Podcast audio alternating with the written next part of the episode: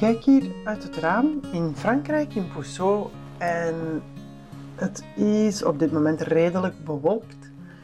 Ze voorspellen ook hevige onweders en storm.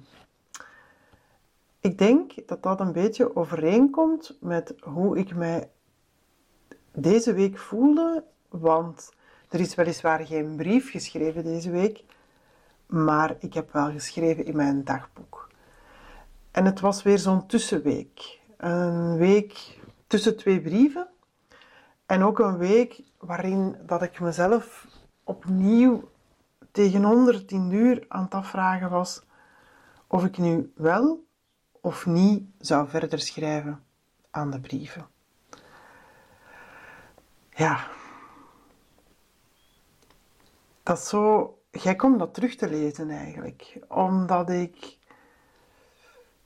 die gevoelens echt supergoed begrijp en tegelijkertijd drie jaar later denk ik, goh, dat is wel zonde dat daar zoveel tijd tussen zit. Dat er weken zijn waarin geen brieven geschreven zijn. Maar het is wat het is. Uh, we zijn drie jaar verder. Ik ga daar absoluut niet meer van wakker liggen. Maar het is wel iets dat mij opvalt.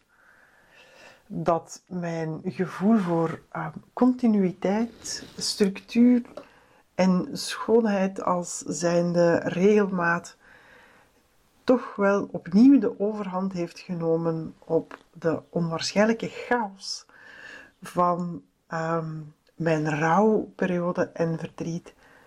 En op zich stemt mij dat eigenlijk wel goed. Waarom?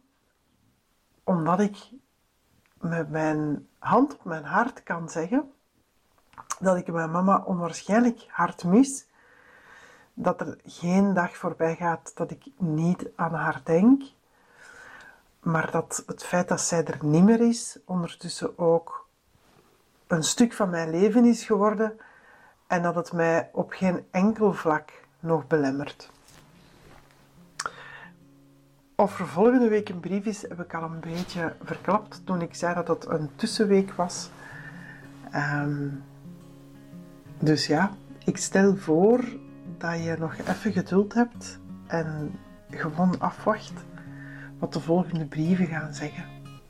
Tot volgende week. Bye bye.